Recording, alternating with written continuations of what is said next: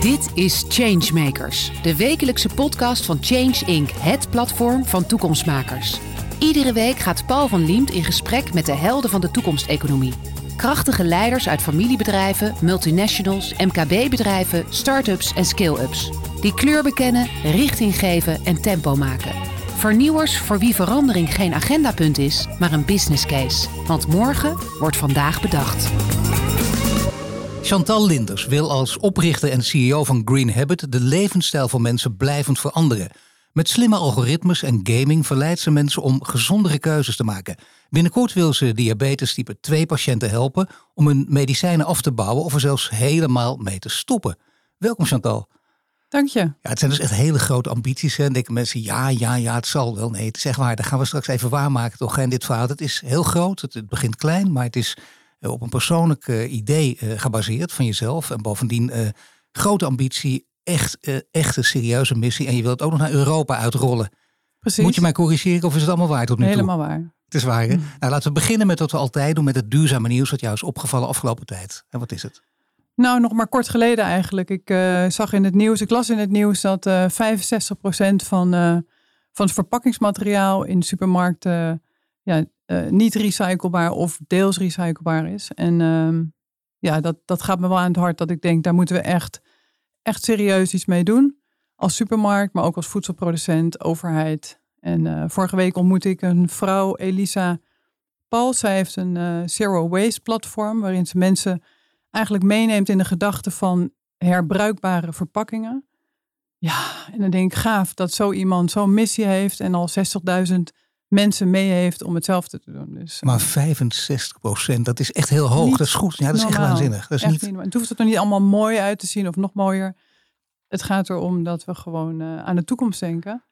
En ja, afval scheiden is één, maar eigenlijk uh, afval, gewoon uh, herbruikbare verpakkingen, dat is gewoon het allerbeste. Tuurlijk, maar toch heel interessant. Terwijl jij dit zegt, schiet mij iets te binnen. Wat ik toevallig ook deze week gehoorde. We hebben dat niet met elkaar afgesproken, maar het is echt zo.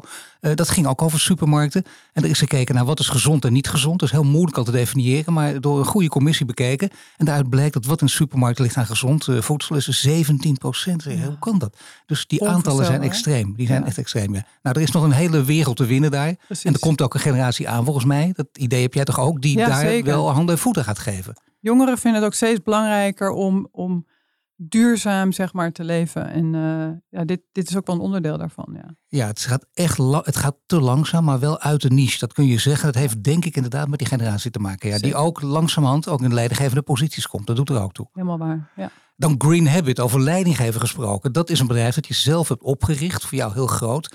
Ja. Um, belangrijk dat, dat het een datagedreven bedrijf ook is. Je hebt langzaam ja. werk je aan steeds meer objectieve data. Ik heb al gezegd, het is heel groot. Je wil naar Europa toe. Maar eerst maar even voor de mensen die het niet kennen. Wat is Green Habit precies?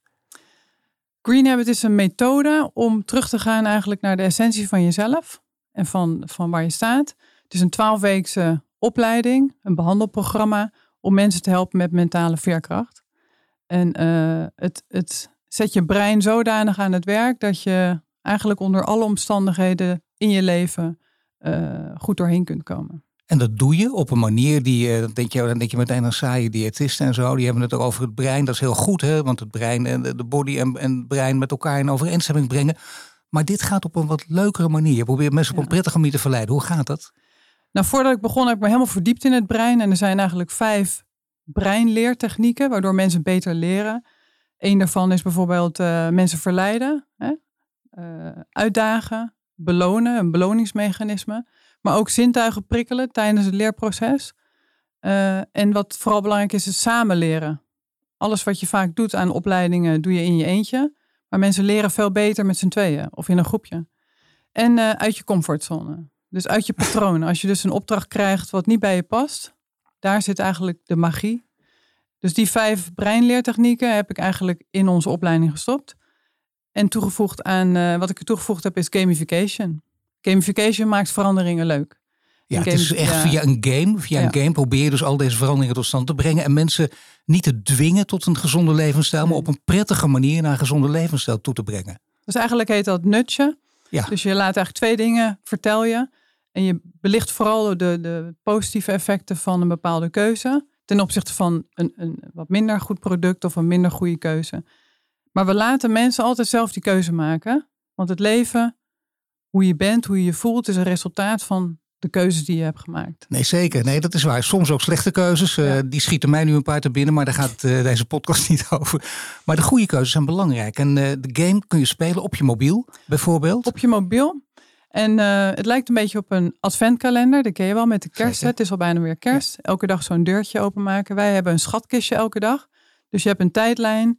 Heel gaaf. En dan loop je in het bos met vogeltjes die je hoort fluiten. En dan komt er een schatkistje elke dag op je tijdlijn. En er zit vol met verrassingen. Dus berichten die je gezondheid uh, positief beïnvloeden. Maar ook quizjes, opdrachten, metingen.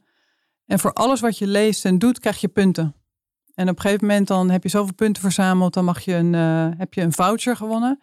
Je krijgt bij de opleiding een doos. Net als Hello Fresh eigenlijk, maar dan van ja. Green Habit. En er zitten drie beloningen in. En die mag je dan pas openmaken als je dat level hebt gehaald. Ja, en dat verhoogt heel erg het speelplezier van. Uh, van nee, dat is geweldig. Ja. En vaak zie je ook dat mensen dan een spel lang doorspelen. Kun je ook in percentages meten. Ja, 10, dat doen we ook. Ja. 20 procent. Hoe zit het bij jullie? Nou, als je kijkt naar gemiddelde gezondheidsapps, dan is 80 procent na twee dagen weg. Zo erg is het. Ja. Toen ik in 2017 onderzoek deed, waren er toen al 360.000 lifestyle apps die ons helpen met onze fysieke gezondheid. Maar het zit eigenlijk in ons. Het zit niet in beter eten, beter slapen, beter meer bewegen. Want dat doen we pas als we ons goed voelen. En als we vergeten dat aandacht te geven en we komen in omstandigheden waardoor we uit balans raken, dan eten we alles wat los en vast zit. We drinken meer, we roken meer en we stoppen direct met, met wat we doen. Nee, maar wat je nu zegt, precies, dat is, vind ik zo aantrekkelijk ook in dit verhaal. Want dat en, verbaast me ook altijd. We weten dat korte diëten nooit werken. Dat wordt altijd geroepen. Ja, natuurlijk, op korte termijn. En we kennen dan al die voorbeelden. En dan komt, kijk eens even, ik ben 10 kilo afgevallen in drie maar ze maanden. zijn effectief. Het is ook zo, maar niet voor altijd. Maar niet voor altijd. En dat, dat, dat duurzame, dat, dat, is, ja, dat is echt behavioral change. Dat is het allermoeilijkste wat er is. En dat lukt alleen als je zeg maar op het moment dat je dus in die omstandigheden terechtkomt en je voelt, dat voel je bij jezelf, hè? en je voelt weerstand, dat je durft te onderzoeken waar die weerstand vandaan komt. Als je dat kunt en je kunt er doorheen komen, ja, dan word je super sterk en dan, dan ontdek je eigenlijk hoe sterk je brein wel niet is. En het Green Habit leert je gewoon om te gaan met die omstandigheden. En dat is wat het zo succesvol maakt. En je vroeg net hoe, hoeveel mensen houden het dan vol? We meten natuurlijk al die data. Nou, 85 procent ja, gigantisch. maakt het helemaal af. Gigantisch. En nu zijn er misschien vier, vijf mensen die de app verwijderd hebben van de 4.500 mensen die het gedaan hebben. Die zitten allemaal te wachten tot het vervolg. Want ze vinden het zo leuk, die aandacht. Ja. ja, nee, maar dat is een heel goed teken. Dat betekent dus ook dat, want daar gaat het ook om, dat je bijvoorbeeld, uh, waarom, je weet ook antwoord op de vraag, waarom lukt het mij niet om gezond te leven en te bewegen en al die dingen te doen die, die goed voor je zijn? Bijvoorbeeld omdat je een laag zelfbeeld hebt, of omdat je niet tegen kritiek kan, of omdat er dingen in je leven gebeurd zijn die onprettig zijn. En dat doet er allemaal toe. En het is wel, pre je hebt natuurlijk een geweldige uh, wetenschap voor, de positieve psychologie, daar heb jij je ook in verdiept. Het is wel aardig om iets, daar kunnen we ook een hele podcast aan wijden. Dat bedoel ik niet, maar in het kort even iets vertellen over je achtergrond. Want het is echt persoonlijk gedreven wat je, wat je hier zegt. Ja, het is, het is heel erg persoonlijk gedreven. Ik uh, heb het CIO's gedaan. En toen ik net klaar was, toen kreeg ik een ongeluk. En toen kon ik niet meer lopen. En toen heb ik een rugoperatie gehad. En toen dacht ik, ik wil gewoon iets anders gaan doen. Ik wil niet van sport mijn werk maken. En toen zocht ik een baantje via het uitzendbureau en toen belandde ik bij een groot softwarebedrijf. En ehm, toen kreeg ik daar allerlei kansen en ik dacht, dit vind ik echt heel erg leuk. En ik ontdekte eigenlijk dat ik dus heel analytisch was, data heel leuk vond. En ik ben consultant geworden, uiteindelijk business analyst. En heel veel geleerd, heel veel gedaan. En, uh, maar waar ik mijn hele leven sinds dat ik puber ben last van had, is blaasontsteking. En ik ben, denk 22 jaar lang heb ik daarmee rondgelopen. Elke zes weken kreeg ik een antibiotica kuurtje. Tot iemand tegen mij zei, ga eens naar een mesoloog toe. En die man had in een uurtje al door waar het door kwam. Die kijkt echt naar de oorsprong van, van ontstekingen. En toen dacht ik, die zei dat het aan mijn voeding lag. En toen zei ik, ja, maar ik eet heel gezond. Ja, maar wat eet je dan? Dus hij gaf me een aantal tips en ik kwam thuis en ik zei tegen mijn man, als het, als het klopt wat die man zegt, dan heeft hij echt een heel, heel slecht verdienmodel. Want ik loop al 22 jaar bij een dokter. En die man had gewoon gelijk. En dat was voor mij zo'n eye-opener dat ik dacht, hoe dan? Hoe kan het dat, dat je het zo simpel op kunt lossen? En toen ben ik me gaan verdiepen. En omdat steeds meer mensen mij vroegen van, ik werkte natuurlijk in de IT-wereld, veel ongezonde mensen. En die vroegen mij, kun je mij niet helpen? En ik dacht, er is maar één manier om die mensen te helpen. En dat is als ze het zelf doen. En in mijn hart wilde ik wel miljoenen mensen helpen. Want één op één iemand helpen, dat, dat zet geen zoden aan de dijk. En toen ben ik gewoon gaan onderzoeken hoe het komt dat mensen steeds stoppen met een goed voornemen.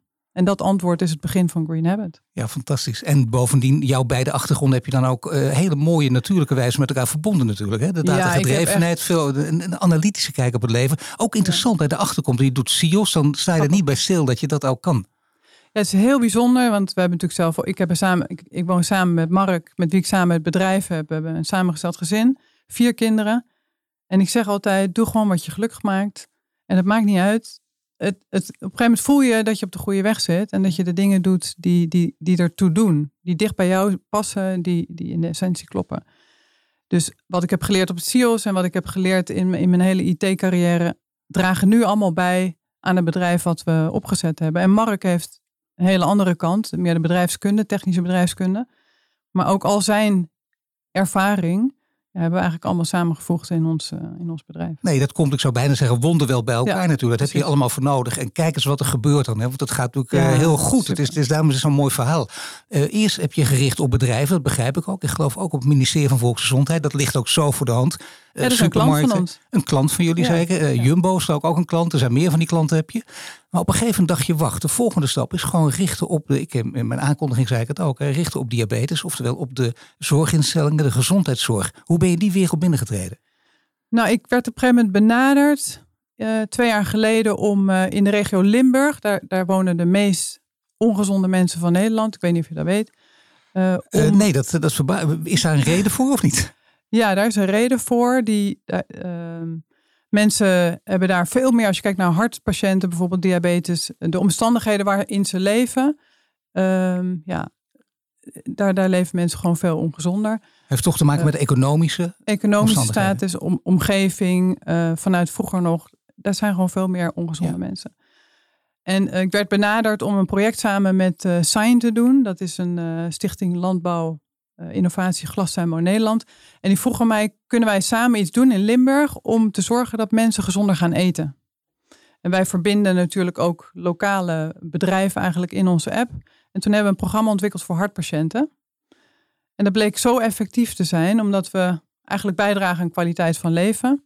Dus of je nou nog niet ziek bent of al iets hebt, het is in beide gevallen heel effectief. En zo, dat was ons eerste project. Toen kwam de corona vorig jaar en toen dacht ik, en nu dan? En toen las ik iets in de krant en toen dacht ik, ik ga me gewoon inzetten op die Europese markt. Waarom niet? Wat we doen bestaat nog niet. Uh, iedereen kijkt naar links, waar, waar de fysieke gezondheid belangrijk is. Ik kijk naar rechts, waar onze mentale gezondheid eigenlijk de belangrijkste rol speelt. Veerkracht. Dus ik ga gewoon die sprong wagen. En uh, toen wonnen we dat project. En nu zijn we dus uh, zover dat we een diabetesprogramma hebben ontwikkeld. Maar het belangrijkste doel voor mij is valideren, klinische validatie en zorgen dat nu, we hebben nu al 60 miljoen diabetespatiënten in Europa. Dat is de grootste uitdaging waar we voor staan.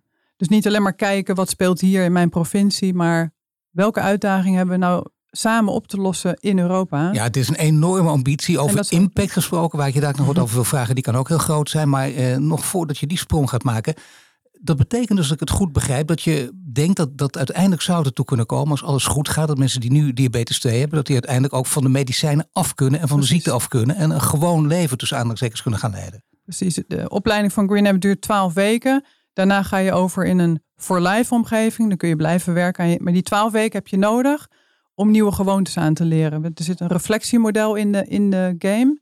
Waarbij je iedere dag reflecteert aan je fysieke, mentale, sociale gezondheid. Dat zorgt voor die nieuwe gewoontes in je brein. Dat duurt ongeveer 66 dagen. Daarom is het zo belangrijk om het vol te houden. En na die 12 weken ben je gewoon in staat om daar iedere dag aandacht aan te geven. Ik vind dat echt waanzinnig snel, moet ik zeggen. Want uh, als je hoogleraar verandermanagement praat, dat is echt het allermoeilijkste wat er is. Daar keek ik in het begin sceptisch naar, maar dat is heel lastig. U dat kijkt naar onszelf. Bij alles, als ik dat probeer te bedenken, heel veel dingen die je echt wil veranderen, dan kun je wel doen alsof je heel flexibel en makkelijk bent. Maar in de praktijk is dat toch echt lastig om werkelijk iets te veranderen. En jij denkt in zo'n korte periode, gemiddeld natuurlijk, want je moet maatwerk leveren, maar gemiddeld zit dat er wel in? Ja, na twaalf weken zit dat systeem in je brein. En dan moet je natuurlijk gaan toepassen in je leven. Als je dan helemaal niks meer doet, dan, dan appt dat helemaal weg. Daarom hebben we ook die for life omgeving. Dan kun je gewoon blijven werken aan die positieve gezondheid. Maar na twaalf weken zit dat echt in je brein gebakken, omdat je met je brein iedere dag moet reflecteren. En iedere keer krijg je die spiegel voor wat, wat je niet zo goed doet. En de manier waarop we mensen iets leren is eigenlijk alleen maar met storytelling. Dus we gaan niet zeggen bijvoorbeeld, nou, ik heb tien tips om goed te slapen. Morgen weet je er nog twee. Ja. Maar als je één gouden tip vertelt, ja, dan geloven mensen. Maar we, toch eh, hier in die podcast heb je er één toe, dat is heel flauw hoor. Want als je niet op binnen schiet, gaan we gewoon verder. Maar heb je er één meteen, dat vind ik wel handig om te weten. Want dat scheelt enorm nou, ik inderdaad. vraag Valt me wel eens, eh, ik, ik had een keer in de jaarbeurs een lezing gegeven aan een groep huisartsen. En toen zei ik tegen die huisartsen, stel nou dat je een bordje met champignonnen even in de zon legt, 10 minuten, en je eet het daarna op. Heb je dan meer vitamine D binnengekregen of niet? Is het een broodje aap of is het echt waar? Wat denk je? Ik, ik denk dat een broodje aap is. Nee, het is echt waar. Nee toch? En er was niemand die het geloofde voordat ik het zei. Ja. Maar ik weet zeker dat ze dat nu op verjaardagen gewoon doorvertellen. Als er champignonnen aan bod komen, Nee. dan weet ik zeker. Dat blijft namelijk makkelijk hangen in je brein. Als je dus een verhaaltje vertelt, dan onthoud je het makkelijker. Moet je wel zeker weten dat het waar is. En ik wist het niet, al die huisartsen wisten het ook Nee, niet. We weten het nu wel. Het Gek, hoe kan dat? Mag ik dat toch even weten? Hoe is nou, ik heb het mogelijk? mijn huisarts nooit kwalijk genomen. Toen ik zelf mijn gezondheid zo heb eh, verbeterd, heb ik een jaar later een bloedtest gedaan. Mijn huisarts zei, dat hoeft helemaal niet, want je bent gewoon gezond. Ik zeg, maar ik wil weten hoe ik ervoor sta. En toen zei ze, nou dan wil ik wel dat je even bij mij op spreekuur komt. Dus toen had ik het gedaan. Heb ik, ik denk, ik bel haar gewoon. En toen zei ze tegen mij, ik heb in mijn hele werkleven nog nooit zo'n bloeduitslag gezien. Als, dat, als iedereen dat zou hebben, dan zou ik geen praktijk meer hebben. Maar zij besteden geloof ik 30 uur in hun hele geneeskundeopleiding aan voeding. Dus Ja. ik bedoel, ja, dat weet, dat kunnen zij eigenlijk ook helemaal Nee, niets aan doen. fantastisch. Daar gaat het gewoon om. Het is inderdaad dat multidisciplinaire wat altijd een hele grote rol speelt. Alles bij elkaar. En dan zie je de angst altijd bij mensen ook. Dat heb ik vaak in eerste instantie vinden ze het mooie. Ook bij, bij elkaar zitten. Maar daarna, eh, wat is van wie? En dan wordt er, dit is van mij. Altijd dat, dat hele kinderachtige. En daar moet je overheen. En dan echt samen tot iets komen. Ja. Maar wat we ontdekt hebben in die specifieke patiëntenprogramma's, is de kracht van persona's. Dus wat we gedaan hebben, we hebben gewoon een fictief persoon gemaakt. Bijvoorbeeld in het diabetesprogramma. En we nemen de speler mee in die twaalf weken om elke week een kijkje te geven in dat leven van die persona. En dat is een echt persoon voor hun gevoel. Die heeft diabetes type 2 gekregen. We vertellen iets over het gezin, hoe die leeft en zo. Die heeft ook een naam en alles. En we nemen die speler eigenlijk helemaal mee wat hij allemaal gedaan heeft om dingen in zijn leven te veranderen. En wat je dan krijgt, ja, zo werkt het gewoon bij mensen. Als je zegt, dit moet je voortaan doen, Ja. Dan denk je, ja, dat ga ik echt niet doen.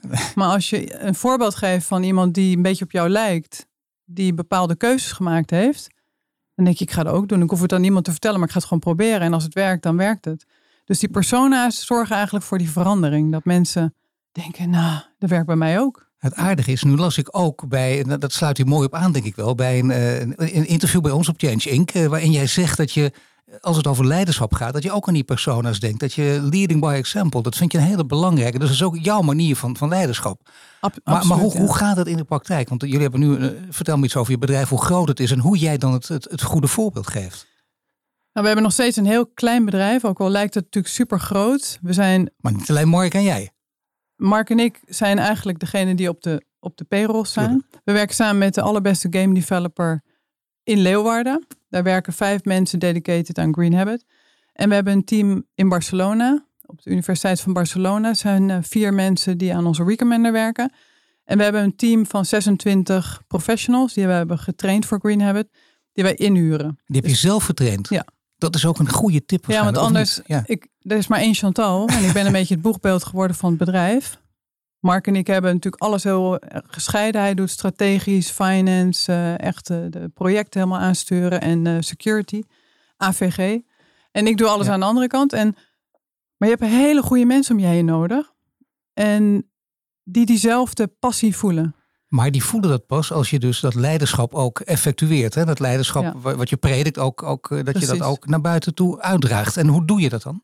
Nou, het begint met een soort van ehm, die stip op de horizon waar ik naartoe wil. Ik wil gewoon dat mensen langer gezond en gelukkig kunnen leven. Dat is eigenlijk de belangrijkste missie en dat iedereen mee kan doen. Hè?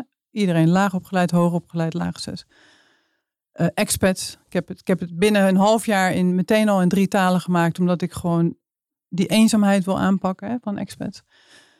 En dus die stip op de horizon is belangrijk. Dat, dat is een soort magneet waar je naartoe, dat is eigenlijk je magneet. En de manier waarop je werkt. Met je maatschappelijke impact, impact, impact die je maakt. Uh, zo neem je eigenlijk mensen mee, je inspireert mensen. Totdat ze allemaal dezelfde kant ook gaan opkijken. Naar, dat, naar die magneet toe, naar dat lonkend perspectief. En op die manier trekken wij mensen aan. En ik, ik behandel ze gewoon alsof ze net zo zijn als ik. Weet je, ik ben niet de baas, maar ik ben gewoon, ik loop mee.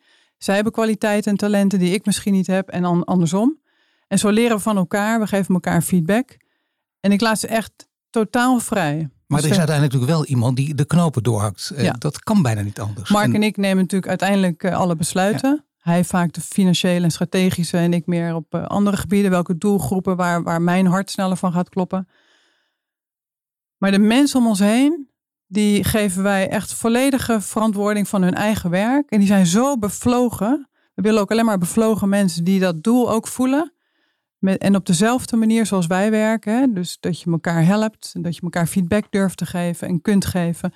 En dat je echt je talent helemaal goed in, in kunt en mag zetten. Maar je mag dus ook fouten maken. Je mag absoluut fouten maken. Want ik maak ze ook. Ik ben heel slordig. bijvoorbeeld. Heel snel en slordig.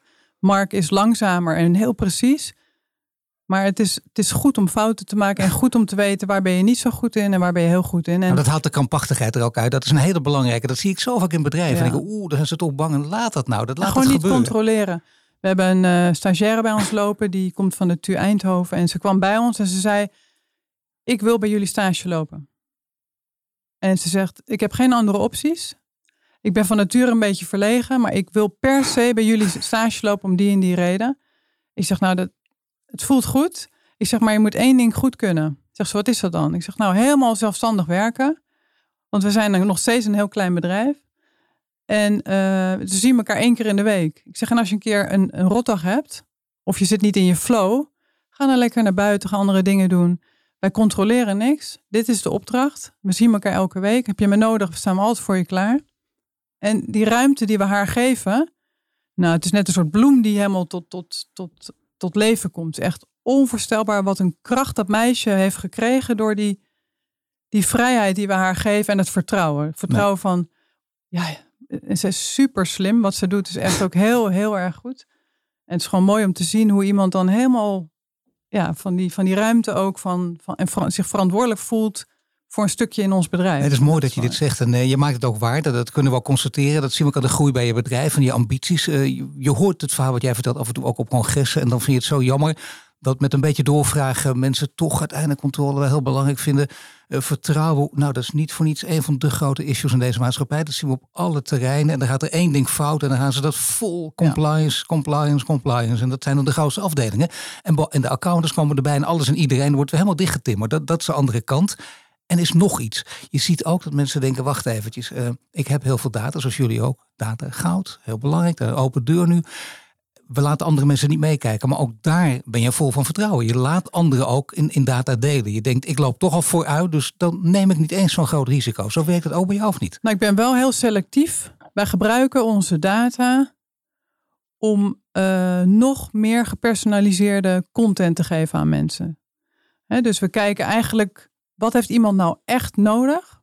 Um, want als ik aan tien mensen vraag, wat heb je nodig? Of je krijgt van je werkgever een aanbod, dan kiezen ze gewoon wat ze denken nodig te hebben. Maar als je echt diep van binnen kijkt wat mensen echt nodig hebben, dat is iets anders dan wat ja. mensen denken nodig te hebben. En daar zit de crux.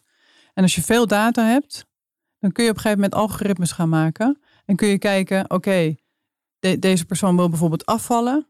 Maar we zien bijvoorbeeld na een week of zes dat hij heel erg last heeft van piekeren, slecht slapen enzovoort.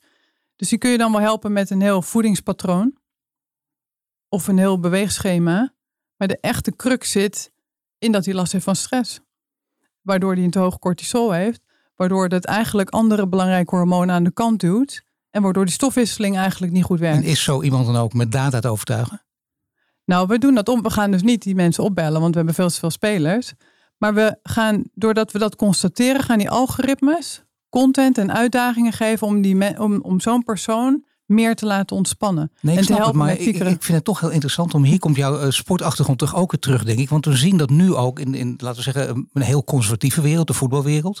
En daar doen data ook eh, mee. Die maken enorme opmars. En dan zie je nog steeds ook eh, de, de roep om, houd toch op. Het gaat om de intuïtie, gooi die data toch weg. En er zit in allebei zit wat in. Maar het is wel een hele oude manier van denken natuurlijk. Ja, data is super waardevol om voorspellingen te kunnen doen. Als, we, als je voorspellingen kunt doen van wat, wat, wat mensen echt nodig eh, gaan hebben, dan, dan heb je gewoon goud in handen. Alleen wij zijn als Green Habit heel voorzichtig om die data te delen met bedrijven die er op een commerciële manier gebruik van maken. En dat is, dus we gebruiken data wel met, met partijen die het, het belang zeg maar, van, van die, zo'n zo'n eh, deelnemer zeg maar, eh, altijd bovenaan zet.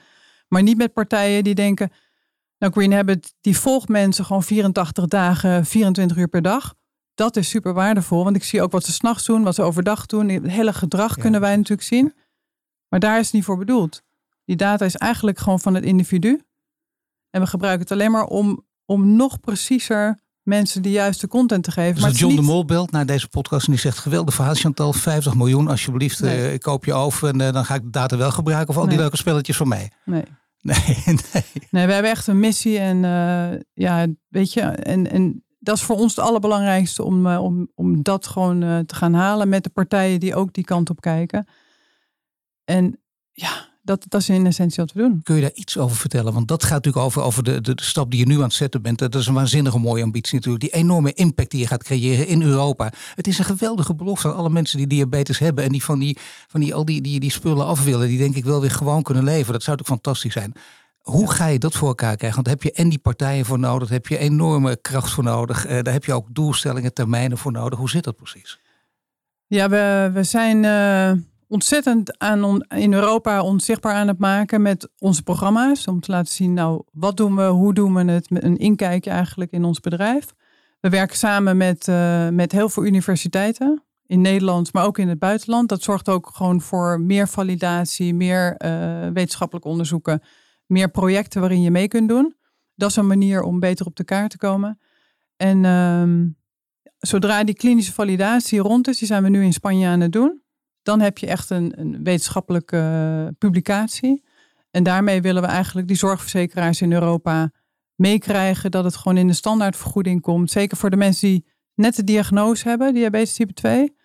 Ja, in 90% van de gevallen zijn die gewoon in 12 weken zijn die gewoon eigenlijk te overwinnen. En Ja, dan heb je weer eh, die twaalf weken ook. Hè? Dat, is ook. Het is ook inderdaad te overzien. En hier speelt eh, de gamification ook weer een grote rol. Daar ga je ook, dat, daar mag dit spel of moet het spel zelfs aan meedoen. daar moet het spel aan meedoen. Want veel oplossingen die er nu zijn, interventies, die zijn niet schaalbaar. Er komen heel veel mensen aan te pas, heel veel kosten aan te pas. Het is gewoon onbetaalbaar. Dus je hebt altijd het kip en het ei verhaal. Hè, van ja, wie gaat dat dan betalen? Maar daar wil ik niet te lang in blijven hangen. Ik wil eerst impact maken, aantonen, laten zien dat het werkt. Laten zien dat die, dat die patiënten er beter van worden. eh, Kunnen overwinnen, laten zien dat er minder kosten worden gemaakt. En dan komen ze vanzelf. Ik geloof echt dat ze vanzelf komen. Dan moet je op jouw game altijd dingen doen die buiten je comfortzone liggen. Voor jou zou dat zijn bijvoorbeeld een interview geven in een podcast. hè, Want dat heb je nog nooit gedaan. Dat is niet voor, voor te stellen als je jou nu hoort. Dat is, het, het lijkt alsof je een routinier aan het praten bent. Bedoel ik in de positieve zin. Want het is, eh, dit kun je heel makkelijk. En dat weer bij mij de vraag op. En ik sprak je echt, ik ken je niet. Ik sprak je echt heel kort even voordat wij hier begonnen. En toen dacht ik al...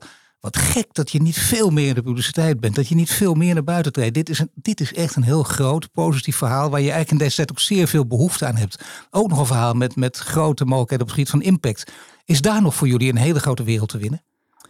een hele grote wereld. Maar dat komt ook omdat we natuurlijk een techbedrijf zijn. Ja. En in de medische wereld waren we natuurlijk een beetje vreemde eend in de bijt. Gelukkig hadden we het ministerie van VWS zeg maar aan onze kant. We hebben vorig jaar januari een bezoek gehad van het VWS. Even als voorbeeld hoe ik dan met mijn team omga. Dan zet ik mijn hele team op dat podium om per stuk zeg maar te vertellen wat we aan het doen zijn. Dus ik ga niet alleen maar zelf daar staan, maar vier mensen van de Avans deden een minor ehm, voor ons om met jongeren te werken. En die geef ik dan een podium. En die mogen dan aan de secretaris-generaal vertellen wat ze doen voor Green Habit. En dat is mijn manier van leiderschap. Ik vind het belangrijk dat die bevlogenheid, dat iedereen dat ook voelt. Dat iedereen een belangrijke positie heeft. Niet alleen maar ik als, als oprichter van eh, Green Habit. Maar nu we eindelijk in die medische wereld een beetje terecht zijn gekomen, validaties aan het doen zijn. Nu worden we pas eindelijk serieus opgepikt. Ook door TNO, daar doen we heel veel projecten mee, hele goede samenwerking. Maar het heeft echt lang geduurd. Ik heb zo vaak voor een dichte deur gestaan en zet maar eens wat op de mail en wie ben jij dan wel niet? En omdat we geen medische achtergrond hebben. Nee, maar dat is de kracht van positieve psychologie natuurlijk ook. Dat je ook doorzet, weerbaar bent en, en doorzettingsvermogen letterlijk ook hebt. ik trek gewoon de mensen aan, ook Janneke Wittekoek, daar heb ik een samenwerking mee, een programma mee ontwikkeld. cardioloog. Nog een andere cardioloog, uh, Tamara Aypassa. Die met haar doe ik een, uh, een hartpatiëntenprogramma in Limburg. En die zijn zo bevlogen en, en door hun medische kennis, die ik niet heb, groeit ons bedrijf ook weer. We hebben, samen maken we impact doordat je gewoon de mensen die allemaal dezelfde kant op kijken en niet bang zijn. Ik was in het begin ook een beetje bang. Ik nam zo mijn laptop mee naar boven. Elke dag, omdat ik bang was. Stel nou dat ze mijn laptop pikken en er staat mijn idee daarop. En ik liet iedereen een NDA tekenen van uh, mijn idee niet doorvertellen. En ik merk nu omgekeerd dat mensen het bij mij ook doen. Als ik met mensen praat, kun je even een NDA tekenen? En dan moet ik lachen en denk, oh ja, zo was ik vroeger ook. En nu ben ik volledig transparant. Ik vind kennis delen, moet je gewoon, dat is gewoon ontzettend belangrijk om, om te kunnen groeien. Moet niet alles voor jezelf houden. Dat betekent, denk ik, als ik dit verhaal hoor, dat we over een jaartje of twee, drie, als we misschien weer een keer deze podcast maken of op een andere manier een gesprek hebben, dat jij in ieder geval uh, zeer bekend bent en, en Green Habit ook. Ik dank je hartelijk voor dit gesprek, Chantal. En je luistert naar een podcast van Change Inc., mede mogelijk gemaakt door onze partner Ebbingen. Bedankt voor het luisteren naar de Changemakers podcast. Een productie van Change Inc. gepresenteerd door Paul van Liemt. Wil je dat meer mensen geïnspireerd worden? Deel de podcast dan op sociale media. De Changemakers podcast is tot stand gekomen in samenwerking met onze partner Ebbingen. Ebbingen kent, verbindt en ontwikkelt de leiders van de toekomst. Wil je meer afleveringen luisteren? Abonneer je dan nu via je Spotify, Apple Podcast of je favoriete podcast-app en krijg een melding wanneer er een nieuwe aflevering online staat.